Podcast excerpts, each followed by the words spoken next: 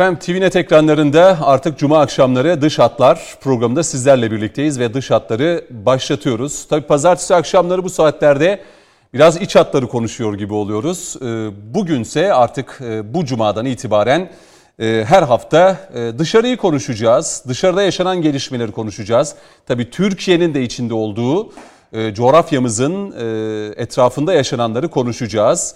Ve kısa bir e, program olacak ama hızlı bir şekilde çok e, interaktif bir şekilde konuklarımızla birlikte başlıklarımızı değerlendireceğiz. Tabii baktığımızda özellikle İran'da yaşananlar dikkatimizi çekiyor. E, peş peşe gelen suikastler, Kasım Süleymani, ardından nükleer bilimci çok önemli bir isim Muhsin Farizade'nin yine Tahran'da öldürülmesi. Hemen sonrasında da Suriye'de yine görevli önemli bir askeri ismin ee, yine bir suikast sonucu öldürülmesi gözleri bölgeye yeniden çevirdi. İsrail'in olduğu söylüyor İran bir kez daha. Bir kez daha intikam e, söylemleri gelişiyor. Bir karşılık olacak mı bunları konuşacağız. Diğer tarafta Irak, komşu Irak'ta artık PKK varlığının tamamıyla sona ereceği gözüküyor. Sincar biliyorsunuz önemli bir noktaydı. Sincar'dan PKK'nın çekilmesi için Irak merkezi hükümeti bir süre vermişti. Peki PKK nereye çekilecek? Silah mı bırakacak?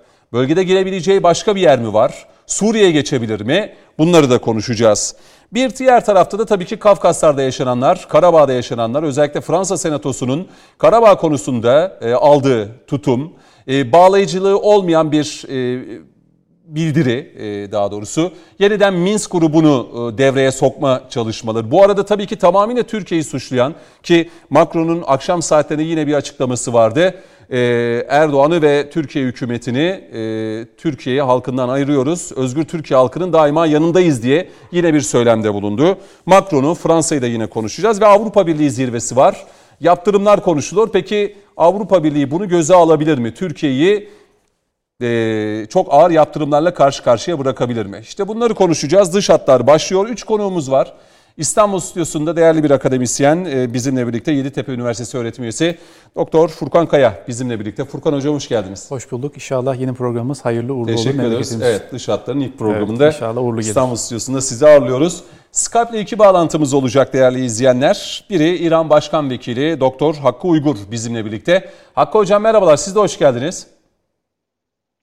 Merhaba, hoş bulduk. Ben de hayırlı olsun diyorum yeni programımıza. Teşekkür ederim, çok sağ olun. Ve e, Emekli Tuğ General Özgür Tör de bizimle birlikte. E, Sayın Tör siz de hoş geldiniz yayınımıza. Hoş bulduk efendim. Herkese selam diyorum. İyi akşamlar. Hem sizleri, stüdyodakileri Skype'la bağlan hem de seyircilerimize selamlarımı gönderiyorum. Herkese Çok sağ olun. aynı zamanda ilk yayınınız da hayırlı uğurlu evet. olsun. İlk dış hatlarda 3 değerli konuğumla beraberiz. Üçünüzün de umarım sağlığı yerindedir. E, zor günler yaşıyoruz. Yani dünyada olduğu gibi Türkiye'de de ee, umarım hepiniz iyisinizdir sağlık açısından. Furkan Hocam. Çok şükür. Bugün Hakkı Hocam. Sağ olun. Çok şükür atlattık evet daha iyiyiz. Özgür Bey siz? Çok şükür inşallah şimdilik iyiyiz. Böyle devam ederiz. Hastalanmadan atlatırız diye ümit ediyorum. Peki. Şimdi coğrafyamızda da maalesef hani virüsün haricinde bir de hastalıklı durumlar da e, karşımıza çıkıyor. Son olarak İran'da Hakkı Hocam sizinle başlayacağım. E, tabii süreyi de iyi değerlendirerek e, daha böyle e, vurucu yorumlarla gitmenizi isteyeceğim. Üç değerli konumdan her konu başlığında yorum almak istiyorum. E, Muhsin Farizade'nin e, Tahran'da öldürülmesi, ardından Suriye'de Kasım Süleyman'ın ardından yeniden İran'ın önemli komutanlarından birinin öldürülmesi.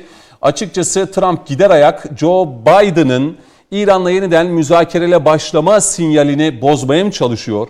Yoksa İsrail Joe Biden üzerinde bir baskı mı oluşturmak istiyor?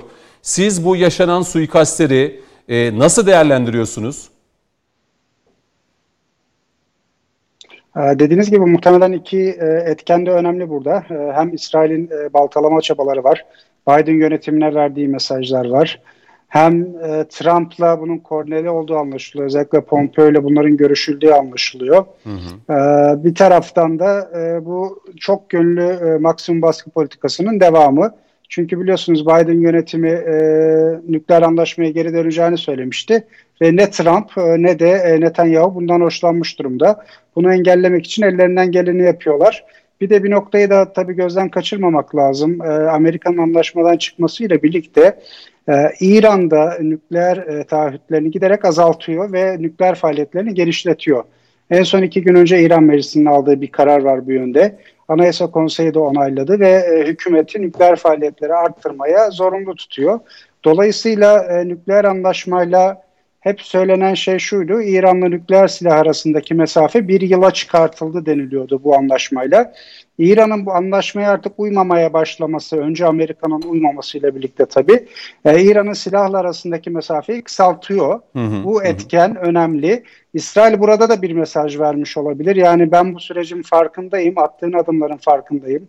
Çünkü İsrail medyası her gün e, Fahrizade ile ilgili faaliyetleriyle ilgili e, yeni bir e, belge yayınlıyor. Tabi iddia bunlar doğrulamak çok kolay değil ama bunlardan en son bugün bir İsrail gazetesinin verdiği bilgiye göre Fahrizade'nin 5 tane nükleer başlık üretimi için bütçe istediği vesaire konuşuluyor. İddia ediliyor en azından İsrail tarafından. Dolayısıyla bütün bunlar bir araya geldiğinde İsrail'in e, böyle bir harekete geçeceği zaten e, aslında bakarsanız bir yıl öncesinden beri senaryolar arasındaydı. Neydi o senaryo? Şuydu basitçe. Eğer Trump yönetimi e, seçimleri kaybederse seçimler e, hemen seçimlerden hemen önce ya da hemen sonra İsrail'in harekete geçebileceği konuşuluyordu. Ve nitekim bu oldu. Şu anda konuşulan nedir? Şu anda konuşulan şu bu saldırıların devamı gelebilir. İran içinde, İran'ın dışındaki saldırılar sizin de az önce belirttiğiniz gibi Irak'ta Suriye'de zaten rutin hale geldi. Hı hı. İran bunlara karşılık vermiyor. Ama İran içinde bu kişilere ya da tesislere, kritik tesislere saldırılar devam edebilir. Bütün bunlar İran'ı provoke etme amacı da taşıyor. Hı. İran'dan sert bir cevap amacı da taşıyor. Ama Hasan Ruhani'nin tabiriyle İran şimdiye kadar bu e, Siyonist e, komploya e, düşmedi, tuzağa düşmemiş durumda ve soğukkanlılığını koruyor. Evet. Şimdi e, Furkan Hocam size döneyim. E, tabii çok önemli bir nükleer bilimci. Yani hı hı. E, kimi yapılan yorumlarda şu da söyleniyor. Yani bu olaya İran istihbaratının göz yumduğu şeklinde yorumlar var. Yani e, Farizade öldürüldü mü yoksa e, İran tarafından bir anlamda kurban mı edildi? Hı hı. E, çünkü Joe Biden'ın gelecek olmasıyla birlikte şu coğrafyada bütün ülkelere bakalım. Suudi Arabistan'ın son günlerde çıkışları var, açıklamaları var. Son olarak Katar'ın biliyorsunuz dört e, Arap ülkesinin evet. e, ambargoları vardı. Bunlarla alakalı yeni bir gelişme var. Bunların kalkacağına dair. Hı. Yine e, bir e, Suudi Arabistan e, firması biliyorsunuz Türkiye'de petrol. Ya baktığımızda Aram. Joe Biden'ın Ocak ayı itibariyle başkanlık koltuğuna oturmasıyla birlikte bölgemizde ciddi değişiklikler yaşanıyor. Siz Fahrizade'nin öldürülmesi, ardından Suriye'de bir başka komutanın öldürülmesi Kasım Süleymani gibi. Ee, İran buna göz mü yumdu? Şimdi bu tip yani olayları... Nükleer baş müzakere, şey, nükleer müzakere yeniden başlayabilmek adına. Şimdi Cüneyt Bey burada tabii e, olayları, bu tip olayları aslında simetrik düşünmek lazım, biraz asimetrik düşünmek lazım. Şimdi öncelikle Kasım Süleymani gibi e, Kudüs komutanı ve üst düzey bir e, yetkilinin ve özellikle işte velayet fakih düzeyinde de çok önem verilen bir ismin öldürülmesi zaten büyük bir sendrom yarattı, büyük bir bunalım yarattı. E, bu, o zaman ne olmuştu biliyorsunuz? İşte intikam yeminleri edildi, bizimle mukabele edilecek, işte acı, intikamımız çok acı olacak şeklinde hem devlet düzeyinde hem işte e, velayet fakih düzeyinde şeyler geldi, tepkiler geldi. Fakat İran tam anlamıyla somut bir tepki veremedi. Hı hı. Mesela Irak'taki boş Amerikan üslerini vurdu. Doğru. İşte bazı İsrail'de bazı noktaları yani biraz iş olayı biraz geçiştirdi.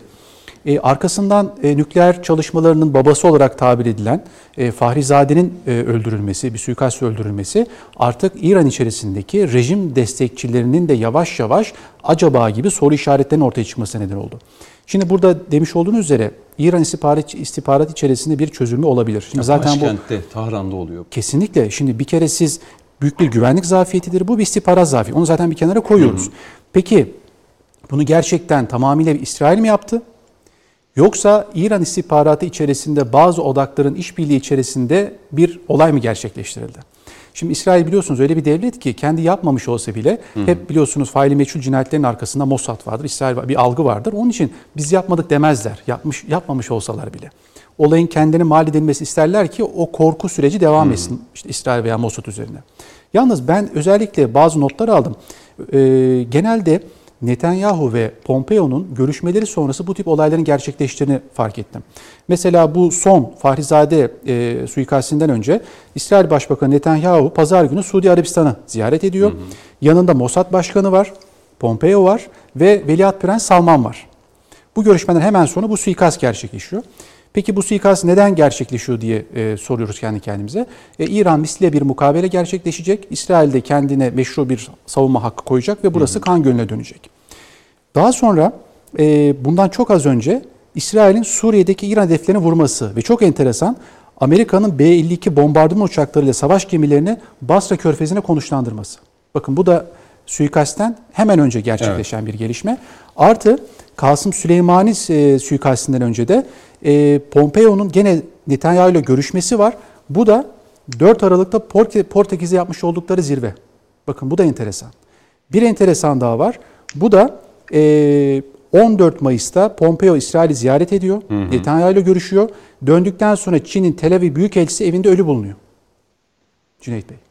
Şimdi Pompeo benim şahsi görüşüm ki Pompeo siz de, Türkiye'de biliyorsun Rum Patrikhanesi'ne ziyaret etti. Şimdi ardından... Evangelist biliyorsunuz Pompeo. Evet. CIA eski başkanlığını yapmış ve benim şahsi görüşüm ki siz de büyük ihtimalle buna katılırsınız. 2024 senesinde de e, Cumhuriyetçilerin adayı, aday adayı olacak bir isim. Şahsi görüşüm. Yani Trump, Trump da aday olmayı düşünüyor ama. İşte Trump'ın artık süresinin dolduğunu, hmm. kendi zaten bu kulisi yapmak üzere son bu veda ziyaretlerine çıktı. Hmm. Hmm. E şimdi bakıyoruz Netanyahu e, hükümeti çökmek üzere Beli Gans gelecek. Koalisyon çöküyor. Hmm. Mart ayında belki erken seçim olabilir. Yani bu Orta Doğu çok değişik bir sürece giriyor Cüneyt Bey. Ve şimdi size şu soruyu sorayım. İsrail Devleti önümüzdeki İran'ın devlet başkanlığı seçimlerinde bu suikastten sonra hı daha şahin, daha sert, Ahmet Necat'tan daha sert bir cumhurbaşkanı mı ister devletin başına? Yoksa Rafsanjani gibi veya Ruhani'den Ahmet daha Necat yumuşak. gibi birini ister. Değil mi? Çünkü neden? Düşmanınızın büyüklüğü size o kadar diplomatik manevra ve saldırı alanı sağlar. Yani namınızı büyütür. İsrail biraz da bunu kaşımak için aslında bunu yapıyor. Ama İran bu tongayı da düşmüyor aslında. Biraz dengeleri de tutmaya çalışıyor. Çünkü ona aslında Amerika'dan şu mesaj da geldi. Biden bir gelsin. Ocak ayı bir gelsin. Biden bir göreve başlasın. Zaten burada kartlar yeniden karılacak. Dolayısıyla sakın bir mukabelede bulunma şeklinde bir uyarı da geldi. Yani dolayısıyla Ama, bu süreç içerisinde İran'dan bir karşılık Beklemiyorum ben açıkçası. Hı hı. Belki işte ne olabilir? E, vekalet güçleriyle mesela Haçlı Şabi üzerinden hı hı. veya işte Filistin'deki kendi vekalet güçleri üzerinden belki ufak tefek e, misliyle yani mukabelede bulunabilir. Hı hı. O da içindeki sesleri biraz olsun susturabilmek için biliyorsunuz koronavirüsle mücadele ediyorlar. Hı hı. Ekonomik problemler var. Evet. Yaptırımlardan kurtulmak isteyen bir İran var aslında. Biliyorsunuz Ruhani döneminde bir Avrupa turu yapıldı. Evet. İşte Airbus'ta anlaşmalar imzalandı. Ama ne oldu? Trump'la beraber e, bütün anlaşmalar iptal edildi ve Trump Biden döneminin kucağına büyük bir bomba bırakmak istiyor aslında. Yani bunu da çok iyi görmemiz lazım. Gider ayak. Ama Cüneyt Bey Obama'nın Trump'a bıraktığı gibi. bir bakiye vardı. Şimdi de Trump öyle bir bakiye bırakacak. Ama Cüneyt Bey şimdi biz diyoruz ya Biden gelme. Biden gelince Biden da hani tırnak içerisinde melek yüzü şeytan politikalar da yürütecektir. Şimdi Amerika dediğimiz zaman burada özellikle PYD konusunda Obama ile bizim ne kadar sürtüştüğümüzü, hı hı. işte Trump'ın yine de Türkiye'nin aleyhine Türkiye nefes alacak bazı aralıklar bıraktığını da gördük. Şimdi evet. gerçekleri görürüz. Bak, bakmamız gerekirse. Dolayısıyla Biden dönemi demek lale devri dönemi olmayacaktır. Hı hı hı. Ama İran konusunda özellikle buraya daha yumuşak bir güçle girecek olan bir Amerika Birleşik Devletleri görebiliriz. Anladım. Şimdi e, Sayın Töre döneceğim. E, hem Hakkı Hocam'ın hem Furkan Hocam'ın değerlendirmelerinin ardından e, siz de bu işte Biden öncesi Mike Pompeo'nun bölgeyi ziyaretleri kapsamında da aynı süreçte bu olayların yaşanması. Biden koltuğa oturmadan önce Amerika'da hani iç nizam derler ya evet. Furkan Hocam. E, iç nizam bu hamleleri olmasını mı istiyor? Yoksa Furkan Hocam'ın da dediği gibi yani Trump gider ayak Biden'ın kucağına böyle bir e, ne bıraksın diyelim Furkan Hocam? Bir bomba mı bırakıyor? hazır bir bomba, saati bir bomba. Nasıl değerlendirirsiniz? Şöyle e, katıldığım bölümler var. Biraz da farklı düşündüğüm bölümler var. Tabii ki var. buyurun. E, şimdi bir, kere bu suikastin, e, İran'daki nükleer fizikçi bilim adamının suikastinin arkasında ben e, Amerika Birleşik Devletleri'nin değil yani iç mekanizma açısından bir pimi çekilmiş bomba açısından değil İsrail'in yaptığını düşünüyorum. İsrail'in yapmasının zamanlaması itibariyle de beni bu fikre itenlerin e, düşüncelerin bir tanesi şu. Şimdi e, Trump yönetimi İsrail'e karşı e, daha şahin e, düzeltiyorum İran'a karşı daha şahin yani sert gücün kullanımı, askeri müdahalenin olabileceği, işte çeşitli testlerin vurulabileceği bir yöntemi seçmişken Biden yönetimi, Obama'nın devamı olarak o iki partinin bakış açısı biraz daha yumuşak güç ağırlıkta. Yani onların işte e, nükleer programını kontrol altında tutalım, işte engelleyelim, barışçıl yöntemlerle bu işi nötralize edelim tarzı bir yaklaşım var. Şimdi İsrail'in bu harekatla e, neye zorluyor? İşte katıldığım bölüm bu Furkan Bey'e. E, sadece ülkenin ilişkini yaptım. E, neyi yapmaya zorluyor? İran'ı. İran'ı ne yapmaya zorluyor?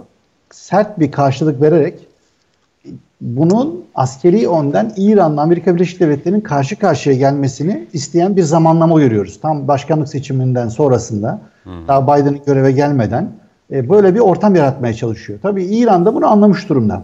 Ama tabii olayın bir başka e, hadisesi de şu. Şimdi e, burada temel amaç ne? İsrail'in yaklaşımı ne? İsrail'in yaklaşımı bence anlamamız lazım. İsrail'in yaklaşımını bu konu üzerinde anlayamazsak gelişim olayları tam olarak e, geçmişe bakmazsak tam anlayamayız. Hı hı. Bakın 1981 yılında e, İsrail Hava Kuvvetleri daha bu F-16'ları ilk aldığı zaman İran askeri tesislerini vuruyor. Hangi askeri tesisleri? Nükleer silahları bulundu askeri tesisleri vuruyor.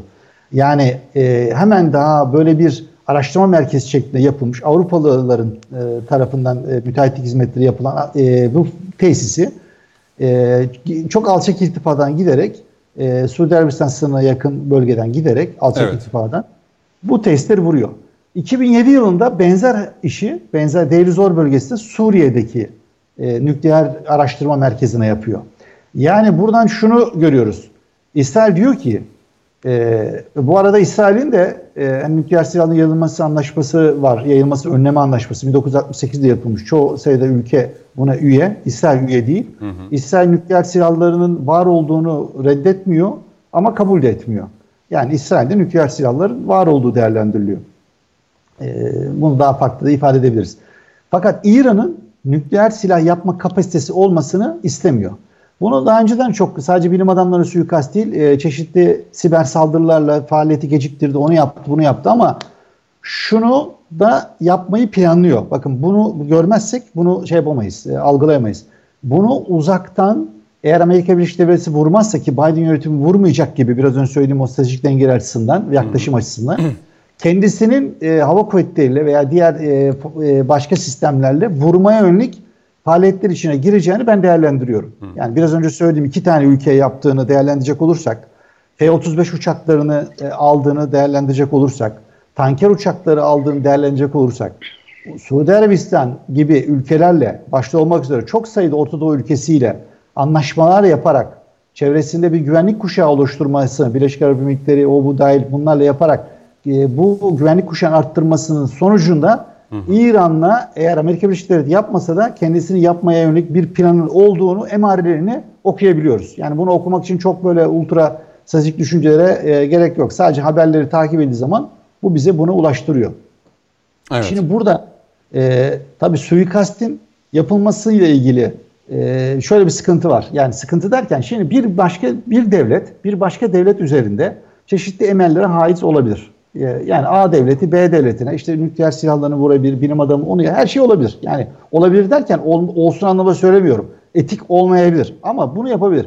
Ama e, A devleti bu planı yaparken B devleti de ne yapması lazım? Buna karşı tedbirler alması, istihbaratı karşı koyma tedbiri alması lazım. Yani hı hı. kendi içinde güpe gündüz e, başkentinde bu kadar kalabalık bir grupla yani 14 rakam var, 12 rakam var, suikastçılar üzerinde işte motosikletler şeyler. Bu kadar kalabalık bir ürün korunan bir personele bu şekilde suikast yapması, yaptırılmasına e, e, göz yumması demek istemiyorum. O e, hani bunun Kasım Şinane'yle fark var. Şimdi anlatacağım onu. Yani buna e, im, imkan verilmesi evet bu çok e, uygun bir şey değil. Yani hmm. madem bu e, personel çok kritik e, İran açısından bunun çok daha sıkı korunması daha uygun olurdu. E, ben olaya taraf gözüyle değil sadece e, uluslararası ilişki anlamında veya askeri tedbir, istihbarata karşı koyma anlamında e, değerlendiriyorum. Üç bir başka konuğumuz da aslında Özgür Bey siz de Hakkı Hocam da Furkan Hocam da yani bu saldırının arkasında. İsrail'in evet. olduğu net ama İsrail evet. olmasa bile Furkan Hocam diyor ki İsrail bunu ben yaptım der. Yani reddetmez. Reddetmez. Ve enteresan Cüneyt Bey onun koruma aracı var. E, Fahrizade'yi koruyan sürekli. Hı hı. Evet. Koruma aracı suikastten çok kısa bir süre önce e, Fahrizade arabasının yanından ayrılıyor. Yani sanki açık hı. hedef haline getiriliyor ve suikast gerçekleştiriliyor. Evet. Yani içeride de mutlaka şey vardır. Ee, ona sızdırılmış Klikler. personel vardır. Yalnız burada şunu söylemek isterim. Tabii. Şimdi İran e, buna e, mutlaka yani akılcı bir davranışta e, askeri olarak karşılık vermemesi akılcı bir tutum ve davranış. E, Kasım Süleymani'deki olay biraz farklıydı. Kasım Süleymani'de İran içindeki dengeler de vardı. Olduğu için onu biraz da e, enterine edilmesi konusunda İran içinde de çok destek vardı. Ama buradaki konu biraz daha farklı. Şimdi bu harekattan sonra yani bu suikasttan sonra İran Evet. tamam karşılık vermeyecektir diye değerlendiriyoruz. Ama şunu biliyor muyuz peki? Yani nasıl B-52 bombalarının işte bir şey düzeltiyorum uçakların ağır bombardıman uçak, uçak gemisine yaklaştırıldığı gibi İran adına bak her savaşı olarak söylemiyorum. İran adını kullanarak bir başka bilinmez örgütün bir başka Amerikan hedefine veya bir başka Batı hedefine saldırı, İsrail hedefine saldırı yapması ve bunun İran üzerine kalması konusunda bir kenara koymak lazım. Yani bunu illa uluslararası ilişkilerde veya stratejik anlamda sonuç olması için bir devletin işte dedim ya A devletinin B devletine e, planı olabilir, emeli olabilir. Ama o yapmayıp C devleti yapabilir ve bunu A devletin üzerine bırakabilir. Bakın bunlar da e, bu e, çok asimetrik dahilinde. çok fazla dahilinde. Bunun da çok dikkat edilmesi lazım. E, o yüzden sahiplenilmemesi konusundaki konunun da arkasına bu olabilir. Biraz şeyler Evet. karışık. Yani şunu diyemiyoruz. Biz Suriye'deki bütün güçlerin birçok e, uluslararası güç var orada. Uluslararası güç tarafından de- desteklenen unsurlar var. Ama e, bütün hepsinin e, işte İran'dan, bütün hepsinin şuradan buradan demiyoruz. Aynı gruplar içinde bile farklı grupların sızdırmış olan örgütler var. Bunun da çok dikkat edilmesi ben Peki. gerektiğini özellikle düşünüyorum. Peki.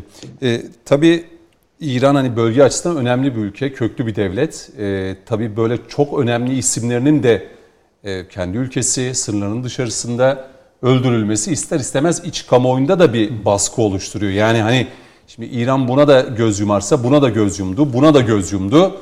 E, bundan sonra bunun önünü alamayacak. E, bazı yorumlara da bakılıyor. İran hani buna bir karşılık verecek e, beklentisi var özellikle iç kamuoyunda. Hakkı Hocam çok kısa alayım bir değerlendirme Sincar başlığını açacağım.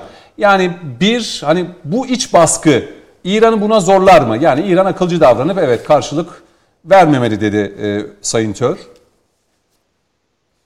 E, zannetmiyorum İran eğer e, e, Tahran-ı Mukaddemin e, 2011'de Kereş'te öldürülmesini İran'ın füze teknolojisinin babası yine bir devrim muhafızları ordusu komutanı başlangıç olarak alırsak ki ondan önce de vardı aslında.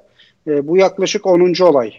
E, az önce konuklarımızın da belirttiği gibi, sizin de belirttiğiniz gibi Kasım Süleymani gibi efsanevi e, bir ulusal kahramanın öldürülmesi olayını gördük. İran orada bile e, geri e, tam bir cevap vererek bu tuzağa düşmedi. Doğru diyorsunuz. Yani İran basınında biz vurmadıkça bizi vuruyorlar. İntikam manşetleri atılıyor.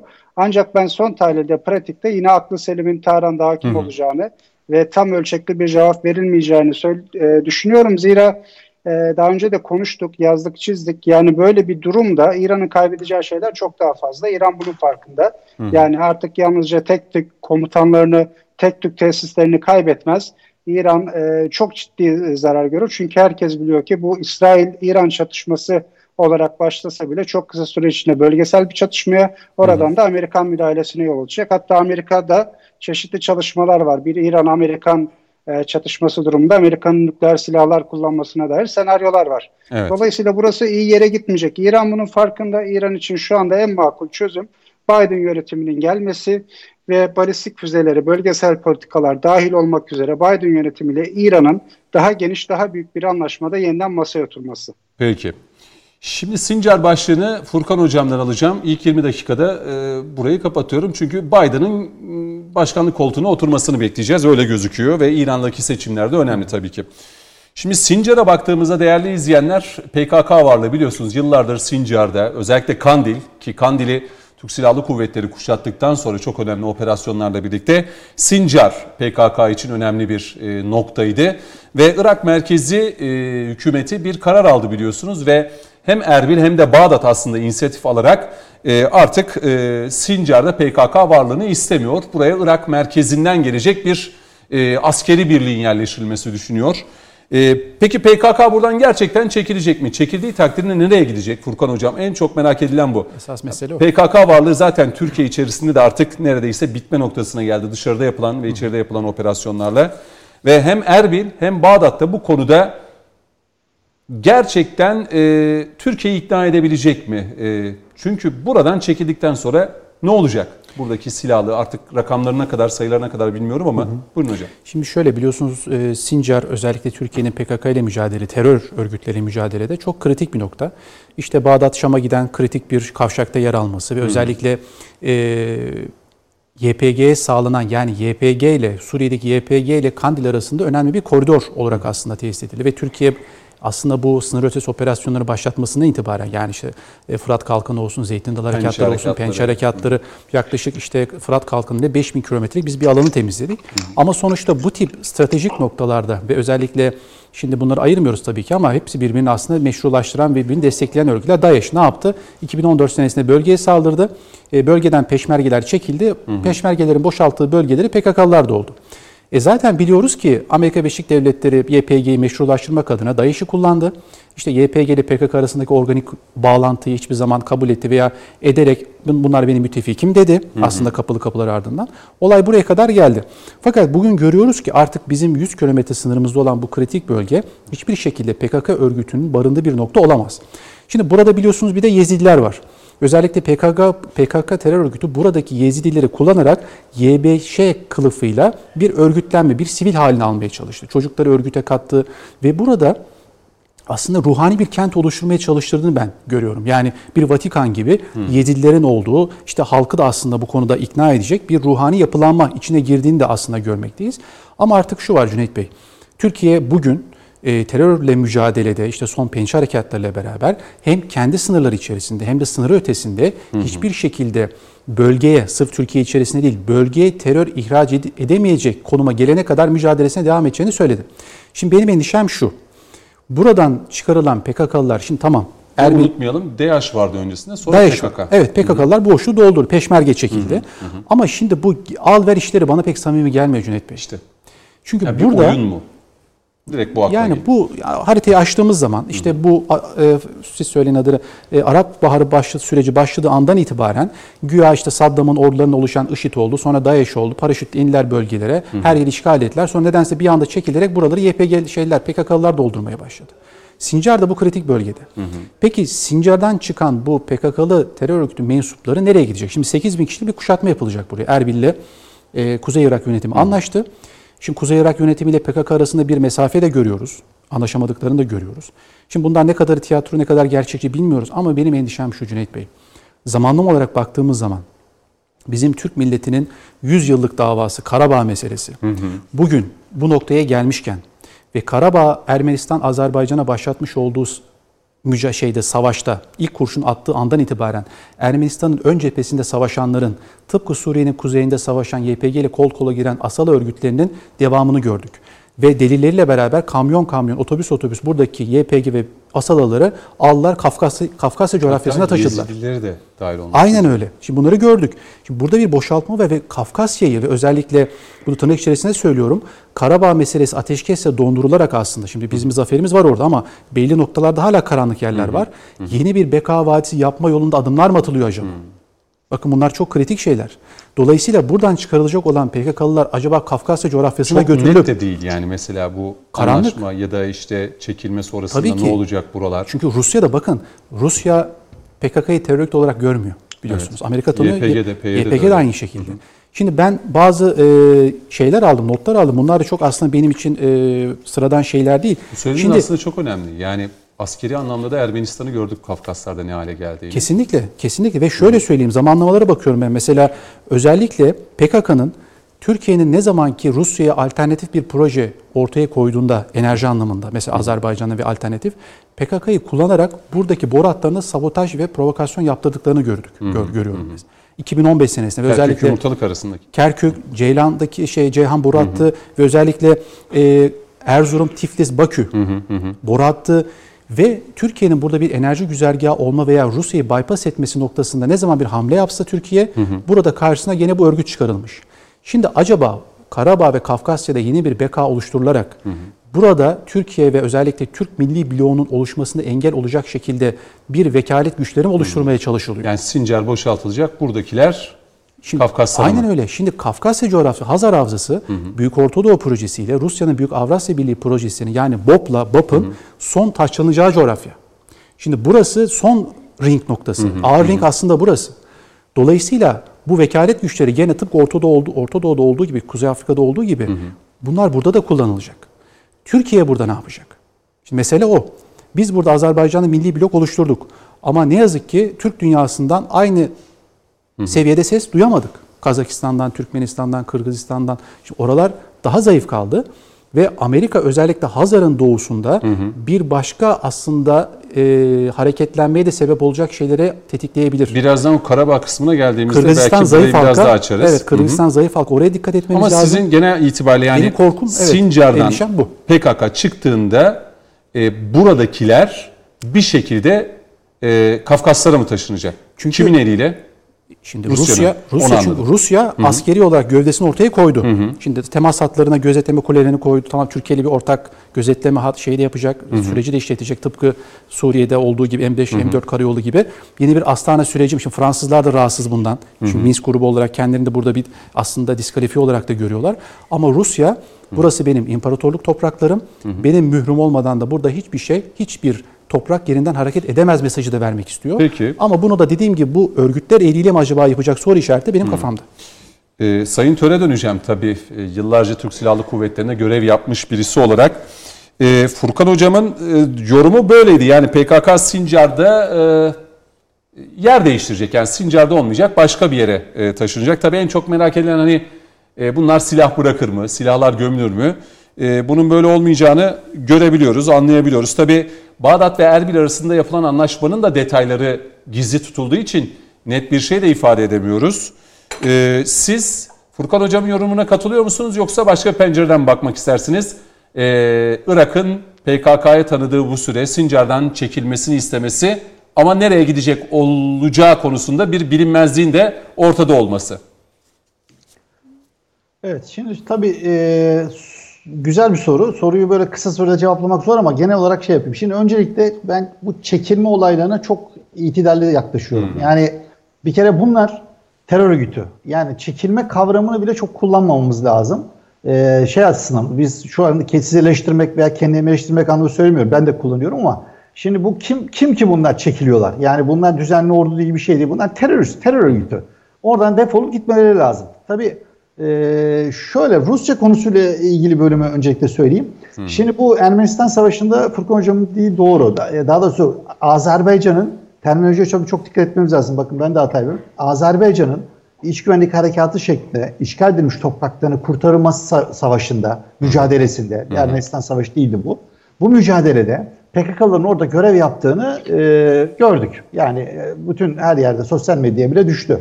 Hatta bizim e, oraya Türkiye'nin şey gönderdiğini falan söylediler. Böyle bir şey olmadı. Olsaydı merak etmeyin çıkardı ortaya. Ama e, PKK'lıların orada görev aldığını, aktif görev aldığını gördük. Hatta şunu da Türk milleti, Türkiye Cumhuriyeti ve Azerbaycan not etti bir tarafa. Neyi not etti? E, hangi büyükelçilikler aracılığıyla, hangi yolla, hangi hava yolu, hangi karayoluyla, nereden bu PKK'lılar gitti, gönderildi, kimler yardım etti? O bölgede görev almaları için bunu Türkiye Cumhuriyeti ve Azerbaycan Cumhuriyeti bunu not etti. Bu duruyor yani devlet hafızasında. Türk milletinin hafızası duruyor. Bununla ilgili kimsenin şüphesi olmasın. Onu kayıtlar altına girdi o. Hı hı. Şimdi burada önemli olan şey şu. Ee, Rusya, Rusya da destekliyor tabii ki PKK'yı ama Rusya şunu istemiyor. Yani bu Paşinyan'ın desteklenmemesi yönetimindeki bir turuncu devrilme gelmesi, iki oraya Minsk gücü adı altına gönderilen PKK'ların uyuşturucu trafiği ve daha sonra Rusya içerisinde Dağıstan üzerinden tekrar Çeçenistan yönelik e, faaliyetlerde kullanılması ile ilgili almış olduğu istihbarattan dolayı e, bunu e, Erivan yönetiminin bunu haddini aştığını şekilde değerlendiriyor. Yani buradaki PKK'lıların tekrar Rus yönetiminde e, bunu söylerken şunu söylemiyorum, yanlış anlaşılmak istemiyorum. PKK'yı Rusya'da destekliyor, Amerika'da, Fransa birçok ülke destekliyor. Ama şunu istemiyor hiç kimse. O unsurlar oralarda görev yapsın onlar adına ama kendi iç coğrafyalarına, kendine yakın yerlerde, kendi aleyhinde yani atıyorum e, şey itibariyle bir örnek veriyorum. Amerika Birleşik Devlet desteklediği grup e, Rusya içerisinde herhangi bir eyleme girmesin veya eylemciyle desteklemesin, ona yönelik oluşma alınmasın. Ama onlar orada aşağıda kendine uzak yerde yapsın. Hatta hı hı. kendisinden mesela Çeçenistan'da bulunan Dağistan üzerinden Çeçenleri bile e, Suriye'ye mesela gitmesine göz yumuyor. Niye? Kendisiyle problem çıkartmasın diye. Bu bölüm yani e, şunu söyleyebiliriz. Süper güçler veya işte büyük devletler, gelişmiş ülkeler ne, ne diyesek diyelim buna. Bu tip problem çıkaracak insanların kendine uzak tutulması konusunda en fikirler. Ama bizim yakın coğrafyamızda kullanmaya devam ediyorlar, desteklemeye devam ediyorlar. Şimdi bu e, bu defolup gidilmesi gereken teröristlerin, yani çekilme lafını kullanmayalım hep beraber, ben de kullanmayayım. E, teröristlerin nereye gideceği konusu tabii çok sıkıntılı. Yani bir kere bunların e, silah bırakması lazım. Yani bunların yer değiştirmesi, yok işte biz çekildik, şuraya gittik, buraya gittikten ziyade hı hı. silah bırakması veya imha edilmesi lazım. E, silah bırakması ya da silah tutmalarına inat ediyorlarsa imha edilmesi lazım. Bu olmadığı takdirde bu sadece e, ötelenmiş olur. Yani hı hı. zamanca ve mekanca e, bu terör örgütlerinin işte 50 kilometre daha güneye gitmesi, 50 kilometre daha doğuya, batıya gitmesi şey olmaz. Hele hele şuna çok dikkat lazım. Telefar gibi, Telefer gibi yani Türkmenlerin çok olduğu, Kerkük gibi Türkmenlerin çoğunlukla yaşadığı, Arapların e, belli bölgelerde, aynı Arap gibi yaşadığı bölgelerde demografik değişime müsaade edilmemesi bu tip terör örgütlerinin oralarda barındırmaması lazım. Hı hı, bu ikinci hı. söylediğim, birinci söylediğimden de daha büyük bir tehlike. Çünkü geldiklerinden beri biraz önce katılımcılar da söyledi, Furkan Bey de söyledi. Bu Ezidilerle ilgili yani hangilerini alıyorlar bakın biliyor musunuz? Bunun sadece bir mes- ırksal veya mezhepsel bir olay değil bu. Evet. Yani orada yaşayan Kürt kardeşlerimizden bile bunlarla beraber terör örgütüne katılacak olanlar alıyorlar. Diğerleri gönderiyorlar. Bakın 300 bine yakın e, Kürt vatandaş bize bize geldi. Türkiye Hı. Cumhuriyeti'ne sığındı. Yani bunun e, herhangi bir e, ırksal, mezhepsel bir konu değil bu. Sadece e, gelişmiş ülkelere maşı olmak, terör örgütünün içine yer almak veya almamak üzere. Yani evet. sonuçta orada bir demografik yapılanma yapılmaya çalışıyor. Dolayısıyla ben mesela Suriye'de yaşayanları e, Türkiye'den gelen, Suriye'den gelen göçmenlere e, kötü gözle bakmıyorum ama onların mutlak surette ülkelerine dönmesini o coğrafyada herhangi bir e, kendi kafalarına göre gelişmiş ülkelerin, büyük devletlerin kendi kafana göre bir demografik oluşum değil. Evet. Orada yaşayan insanların kendi topraklarında yaşamasını istiyorum. Özellikle e, terör örgütünün yani bu yer değiştirmesi konuda bir demek ki demografik değişimle ilgili konu. iki bunların uzaklaşması, sağa sola gitmesi konusu sadece e, sorunu öteliyor. Peki. Bunların iki tane el tarzı var. Bir silah bırakmak, hı hı. iki imha edilmek. Başka Peki. şey yok. Peki. Pardon ben e, lafı uzatmayayım buyurun. E, Şimdi. Hakkı hocama döneceğim. E, böyle daha iyi oluyor. Yani e, çünkü konu başlıkları da fazla olduğu için şunu merak ediyorum. Şimdi Furkan hocam ve e, Sayın Törü dinledikten sonra Şimdi yıllarca hem Irak toprakları hem de İran toprakları Türkiye için tehdit oluşturdu. Ne açıdan? Terör örgütü PKK Irak'ta, e, PEJAK'sa İran toprakları üzerinden hep Türkiye'ye saldırdı. Hep sızma girişiminde bulundu. E, binlerce Mehmetçiğimiz e, o baskınlarda, o saldırılarda şehit düştü maalesef. Şimdi bu, alınan bu kararla birlikte zaten Kandil'in artık sadece ismi kaldı. Sincar önemli bir noktaydı. E, Irak toprakları Türkiye için bir tehdit olmaktan tamamıyla e, çıktı diyebilir miyiz Hakkı Hocam? Çıkacak ee, mıdır bunu yani? Bunu söylemek için şüphesiz erken ama Hı-hı. şunu gözden kaçırmamak lazım. Türkiye'nin son yıllarda çok etkin operasyonlar yapması Irak içinde. Hı hı. Ee, artık oraya operasyon yapıp çıkması değil de orada kalıcı üsler kurması, adım adım ilerlemesi, e, bölgesel Kürdistan yönetimini ikna etmesi. E, biliyorsunuz Erbil yönetimiyle şu anda PKK arasında da ciddi çatışmalar var. E, terör örgütü yanlısı yayınları incelediğiniz zaman sürekli Erbil yönetimini suçluyor. Orada Milli İstihbarat Teşkilatı'nın MIT'in e, ciddi bir muhbir kurduğunu, e, dolayısıyla köylüleri vesaire infaz etmeye başladı örgüt. Böyle bir çatışma var. E, üçüncü olarak Türkiye Irak merkezi yönetimini ikna etmiş durumda. Biliyorsunuz Mustafa Kazımı şu anki başbakan eski bir istihbaratçı ve Türkiye kurumlarıyla da yakın ilişkiye sahip ve Türkiye'nin bu konudaki hassasiyetini biliyor. Ee, biz bunu yıllardır Irak merkezi hükümetine, daha öncekilere de, Haydaribadiye'de, Malikiye'de defalarca söyledik. Ama dikkatinizi çekti muhakkak haberlerde de yer almıştı. 6 ee, ay kadar önce belki, belki biraz daha farklı. Iraklı üst düzey bir e, subay e, Türk hava sa- e, saldırısı sonucunda öldürüldü. Hı. Ve bu ismin e, Irak ordusuyla PKK arasında irtibat ismi olduğu biliniyordu. Yani temelde Türkiye ne demiş oldu? Ben artık bu e, ilişkilere göz yummayacağım.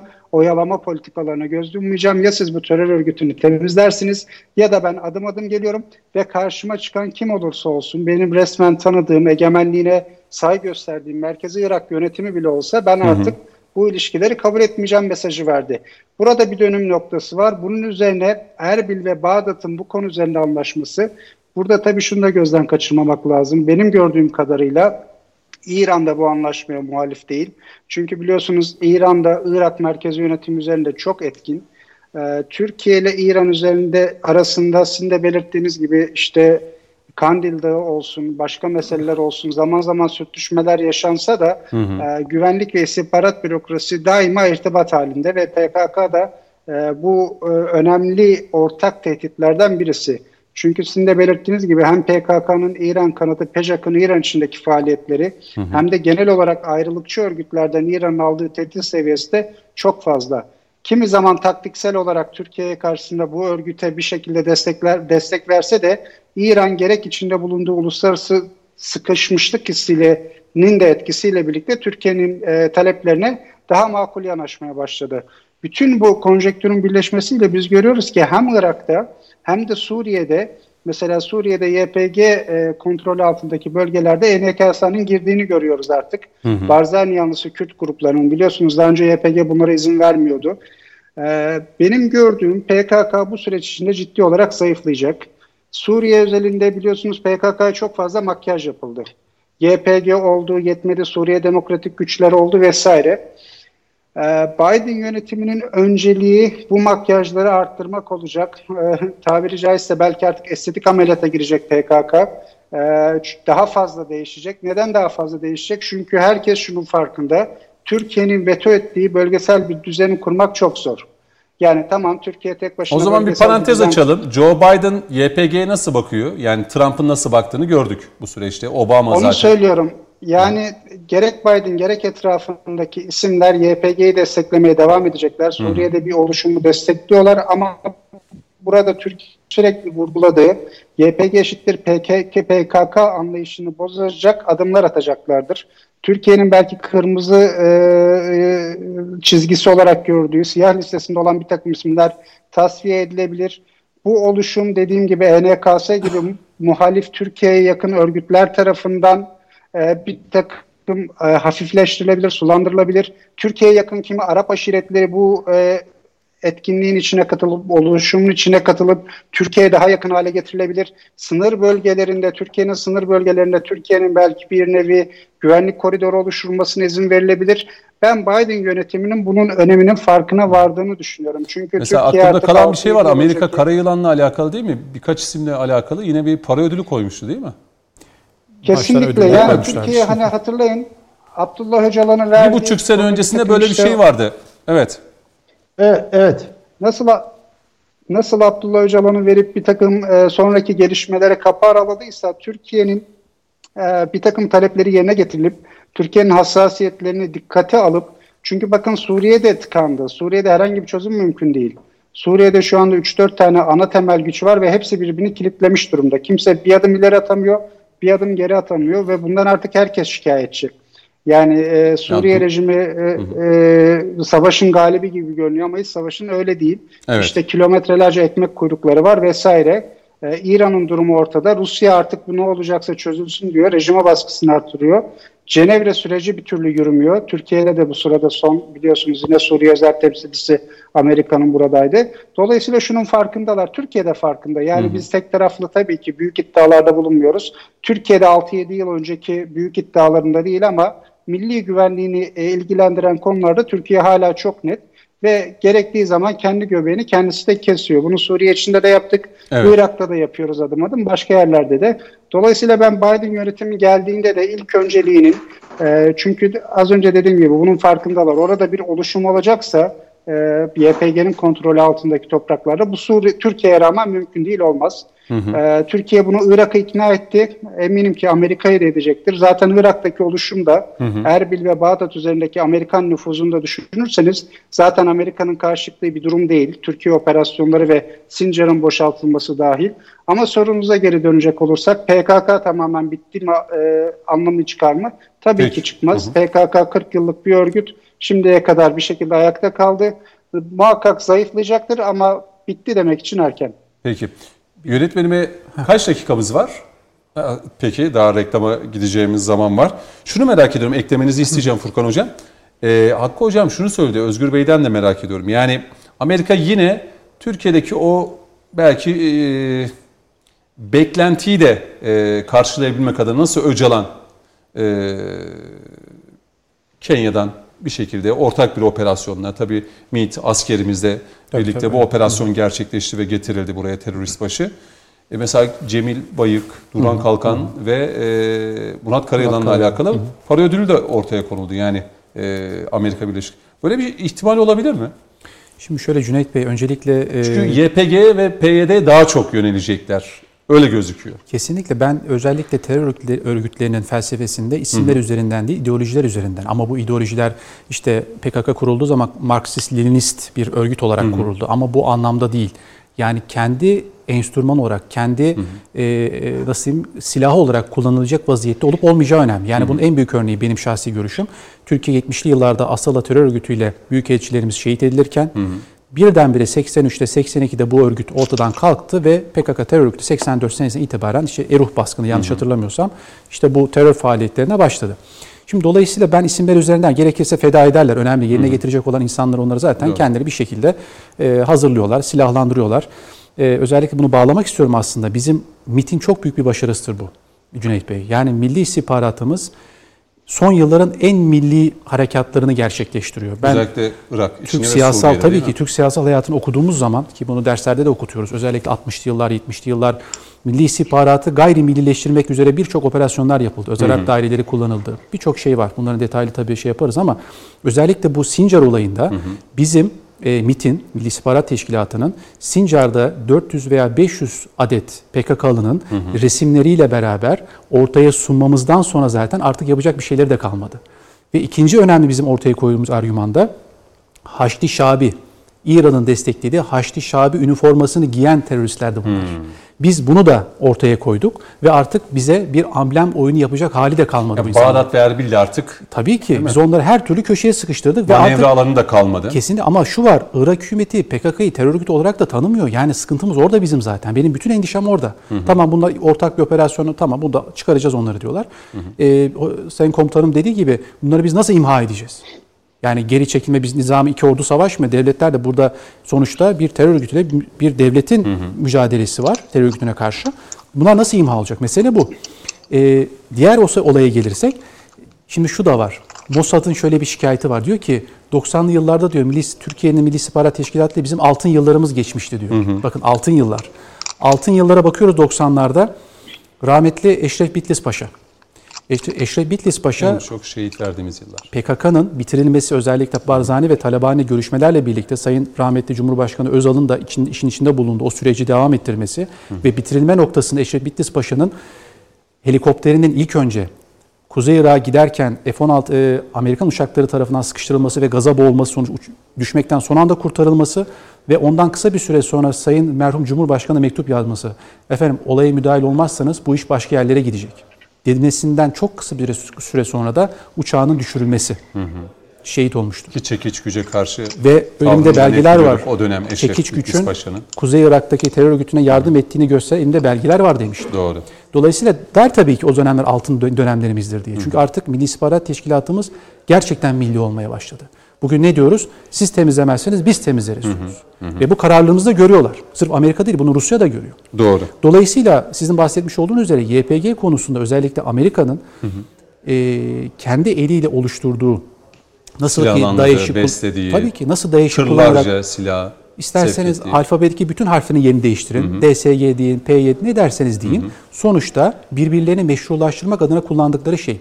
Şimdi hemen Kasım Süleymani'ye bir referans vereyim ben. Kasım Süleymani öldürülmeden çok kısa bir süre önce şöyle bir projesi vardı. Bir ticaret refah yolu. Hı hı.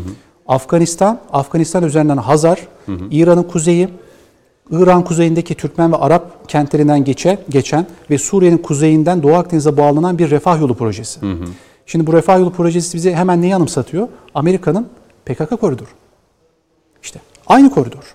Ve bundan çok kısa bir süre sonra Kasım Süleymani suikastı gerçekleştirildi.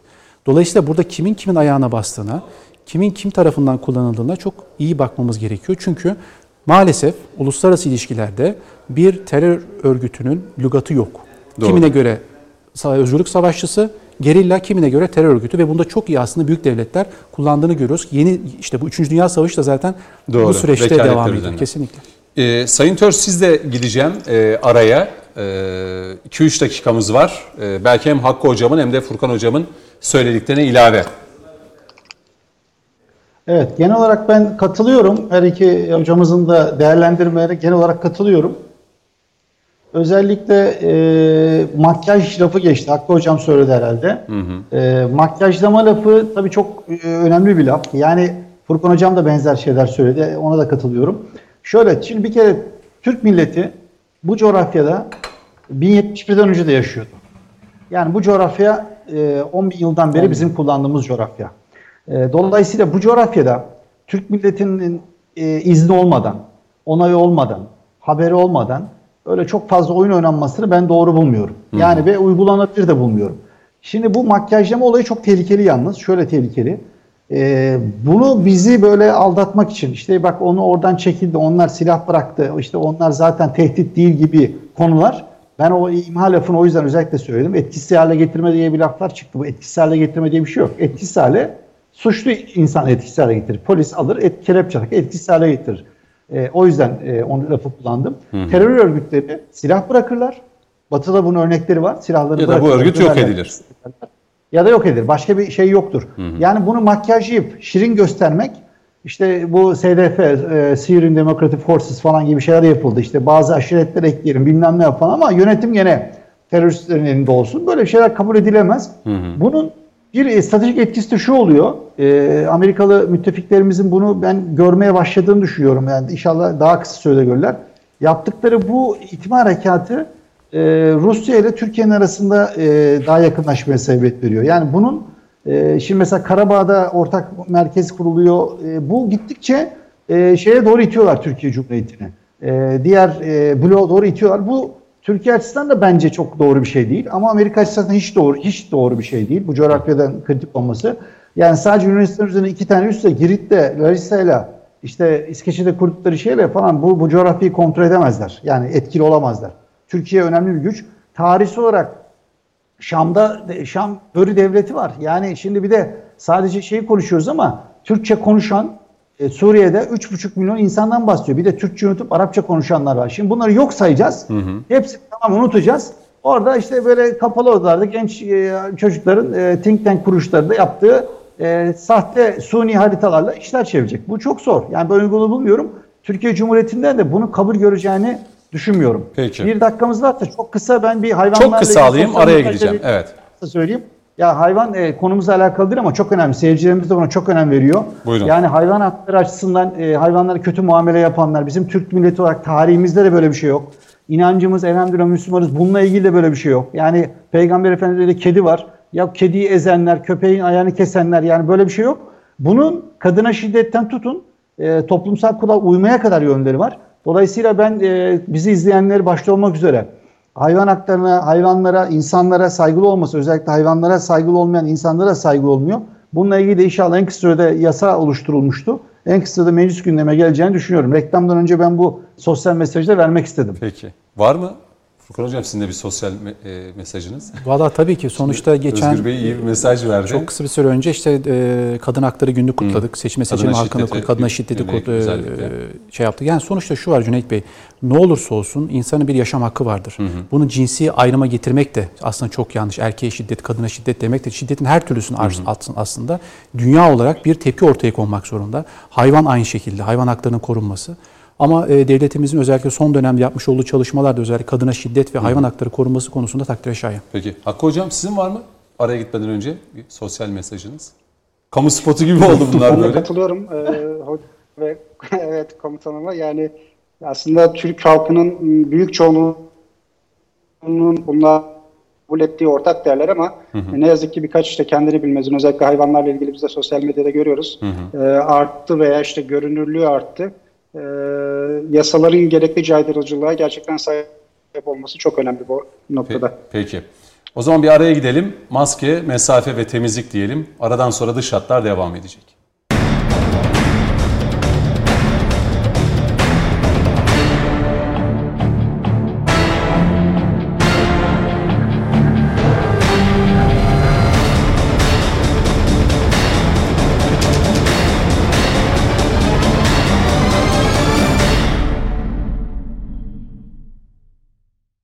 Evet dış hatlar devam ediyor. Son 20 dakikamız ilk saat içerisinde hızlı bir şekilde konu başlıklarını geride bıraktık. Ee, Irak, Sincar, PKK, e, öncesinde İran'a yönelik gerçekleştirilen suikastler. Şimdi bu son bölümde e, biraz da e, Kafkasları konuşalım, Azerbaycan'ın zaferini konuşalım.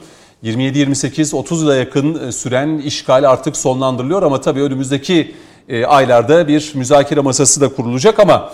Tabii bu müzakere masası kurulurken e, olayı sulandırmaya ve yeniden Minsk grubunu ortaya çıkarmaya çalışanlar var. Başta Fransa'yı görüyoruz. Fransa Senatosu'nun aldığı karar var. Karabağ'la alakalı bir skandal karar. Tabii hem Sayın Cumhurbaşkanı hem Dışişleri Bakanı'nın bu konuda net e, tavrı belliydi. Bugün Cuma namazı çıkışında da Sayın Cumhurbaşkanı net bir şekilde ifade etti.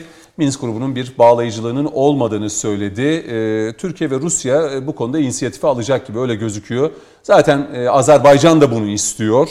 E, şimdi bu bölüme başlamadan önce Furkan Hocam bir cümle sarf edeceksiniz Çok kısa bir bu yapacağım. PKK ile ee, mücadele olsun, sınırlarımızın hı. ötesindeki operasyonlarda hı. MIT'le alakalı. MIT'le alakalı hı. ve ordumuzla alakalı. Sayın komutanımız da destekleyecek hı. bir şekilde. Şimdi bu Türkiye Cumhuriyeti ordusu tıpkı tarihimiz gibi 10 bin yıllık bir ordudur.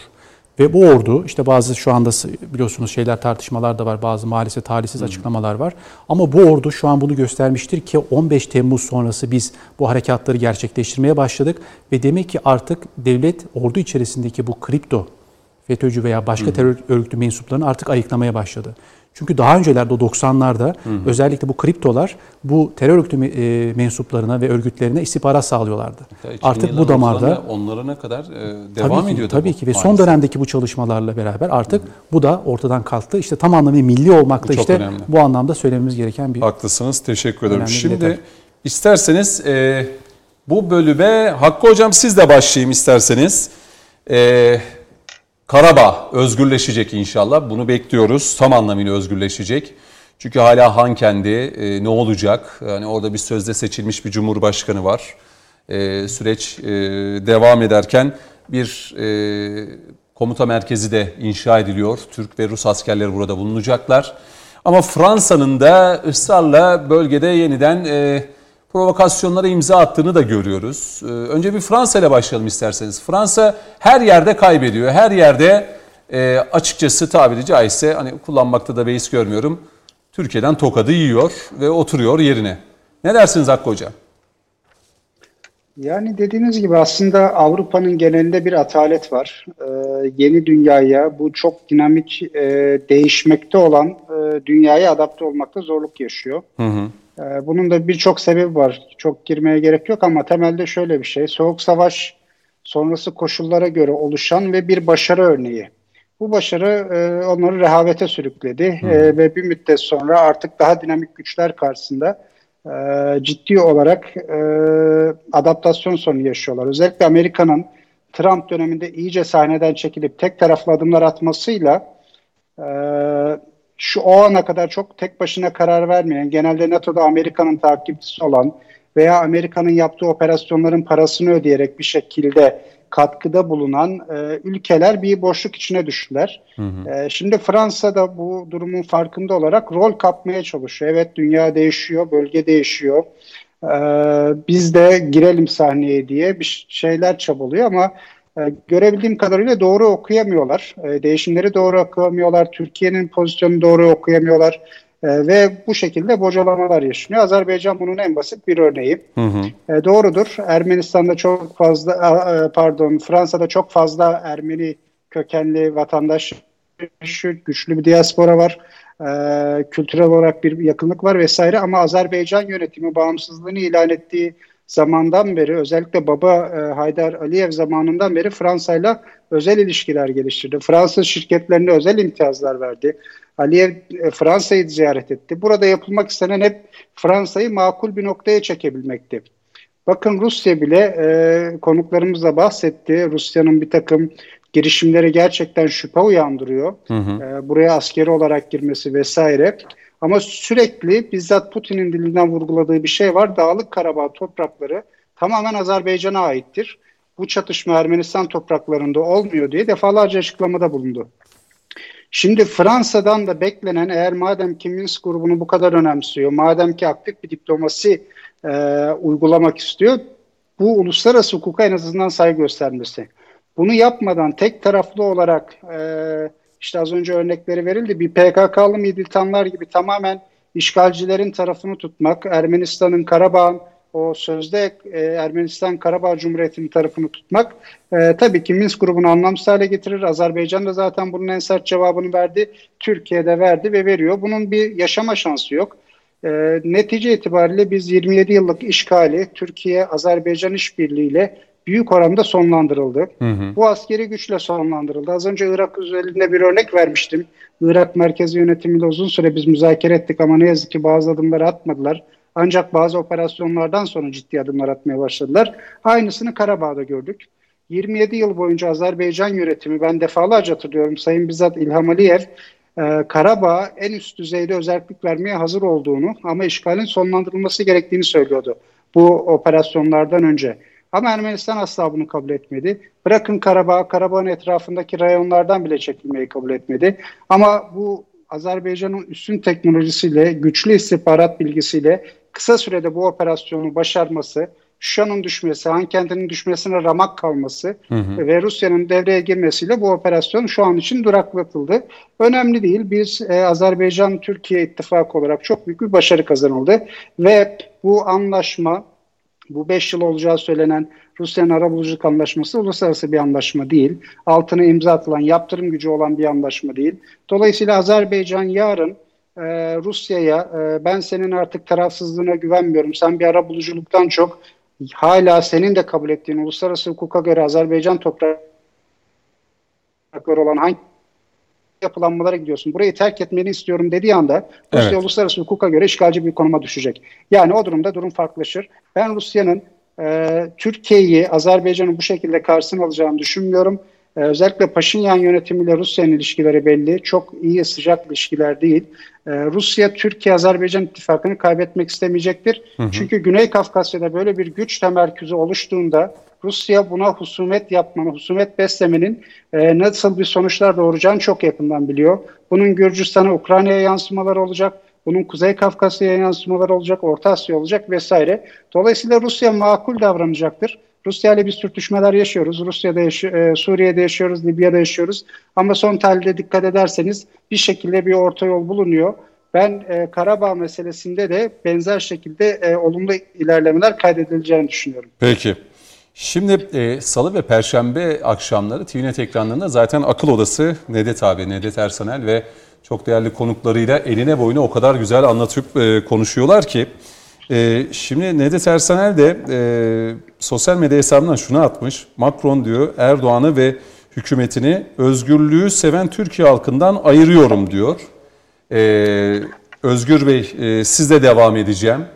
Tabii biz e, Türk milleti olarak her daim özgürlüğümüze yani asla e, esir durumda kalamayız. Yani e, genlerimizde zaten böyle bir şey var ama özellikle e, Sayın Cumhurbaşkanı ve işte hükümetini ayırıyorum diyor. E, yani bir yandan da Türk halkına selam çakıyor kendi aklınca. Mavi boncuk. E, mavi boncuk atmaya çalışıyor dediği gibi. Her yerde yani bulunduğu her coğrafyada Türkiye karşısında kaybeden bir Fransa var e, Özgür Bey. Ne dersiniz?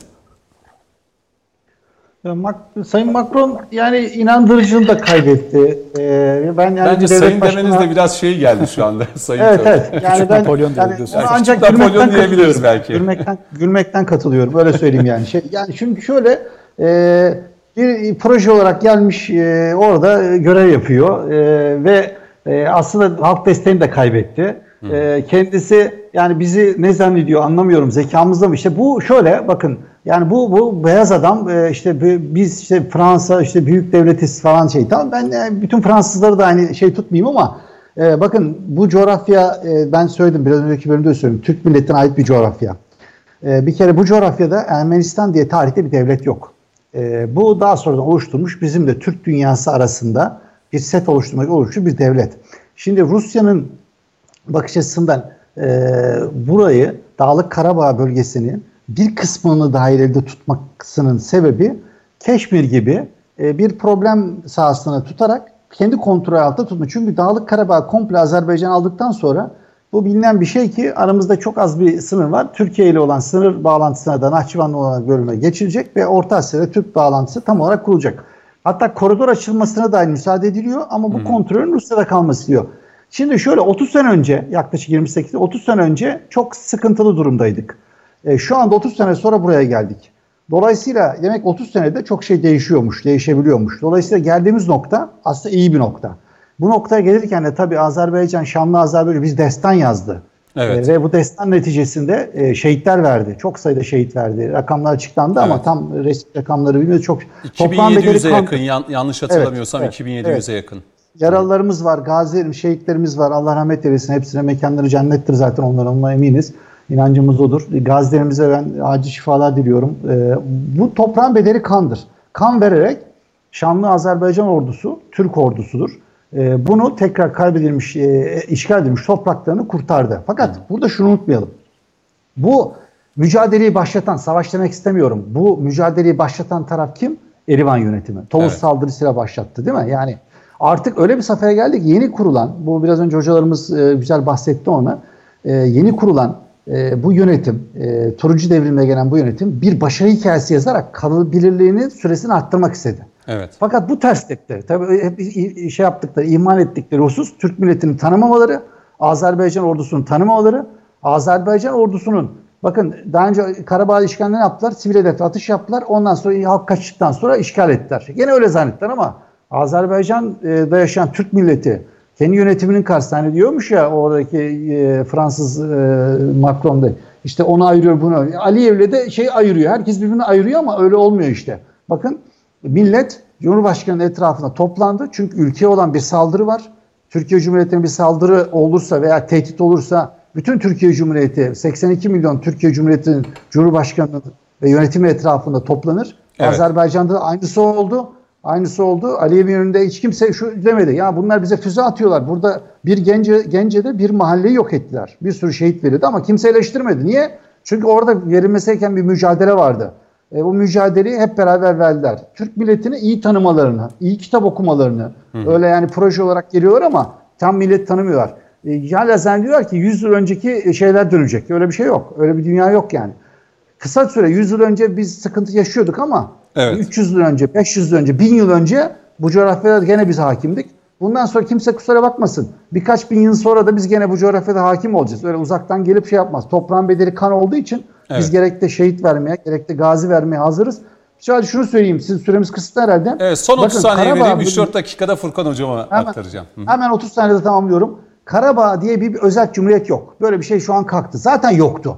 Böyle bir şey yoktu. Rusya'da aldıktan sonra 26 Kasım 1991 tarihinde Azerbaycan e, meclisinin aldığı kararla böyle bir şey yok. Orası Azerbaycan'a ait bir toprak parçası. Etraf reyonlarla birlikte diyorum. Hı. E, teşekkür ediyorum. Çok e, akademik bir tartışma e, ve müsaade ettiğiniz için ayrıca teşekkür ediyorum. Ben teşekkür ederim. Ne demek? Furkan Hocam e, size bırakayım. 3-4 dakika ben herhalde. Ben de hemen komutanı bıraktı. Çok değerli, kıymetli dakikalar. Devam Buyurun. Evet, az, çok azlar değerlidir zaten. Hı-hı. Daha değerli biliyorsunuz. Bir kere şimdi Karabağ de facto olarak bir statü kazanmıştır. Bunu söylememiz lazım kısaca. Hı-hı. Rusya tarafından e, şu anki ateşkesle beraber bir de facto statüsü getirildi. Ama bunun akabinde kalıcı olarak Birleşmiş Milletler'in tanıdığı toprağın tamamen Azerbaycan'a verilip verilmeyeceği noktası yani hakkını geri alıp alınmayacağı noktasında soru işaretleri var bir. İkincisi ne olursa olsun bugün Orta Asya'daki Türk kardeşlerimize önemli bir Türk koridoru açılmıştır. Ve Mustafa Kemal Atatürk'ün hatırlayın 1920'li yıllarda İran Şahı ile olan ilişkilerini kullanarak o dil ucu mevkii vardır hatırlarsınız. İsmi dil ucudur. İran Şahı'na şunu söyler. Bana dil ucu kadar bir yer lazım. 14 kilometre ve o şahsi ilişkileri sayesinde o küçücük alanı şahtan alır ve aslında o küçücük alan bizim küçük bir organik bağımızdır o döneme ait. Ama bugün şimdi o dönem Nahçıvan'da tabii bu işin içerisinde artık Türkiye ile Orta Asya'daki kardeşlerimiz arasında bir koridor vardır. Şimdi bir kere Türkiye burada ne yapacak? Türkiye ekonomik olarak burada bir birlik oluşturma yolunda e, enerjisini ortaya koyacak. Şimdi bu anlamda biz destekleyen en büyük proje ne? Yeni İpek Yolu projesi. Bakın Pekin'den Londra'ya kadar uzanan bir hattan bahsediyoruz. Dünyanın %26'lık kısmını içeren ve 4 milyara yakın nüfusu içeren bir proje bu. Şimdi Türkiye burada en hayati coğrafyada alan bir Türkiye. Hı hı. Ve Kafkasya'da buranın köprü başısı.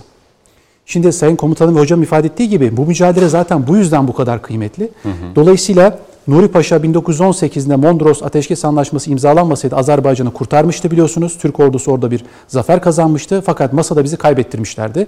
Bugün 100 yıl sonra Türkler, Türk ordusu, ben Azerbaycan Türk ordusu da ayırmıyorum. Türk evet. ordusu bir tanedir. Diyoruz ya 10 bin yıllık tarihimizin bir ordusu vardır. Türk ordusunun büyük bir başarısıdır. Bugün Türk askerinin postalları Kafkasya'ya değiyorsa artık burada demek ki yavaş yavaş Türk hakimiyeti oluşmaya başlayacak.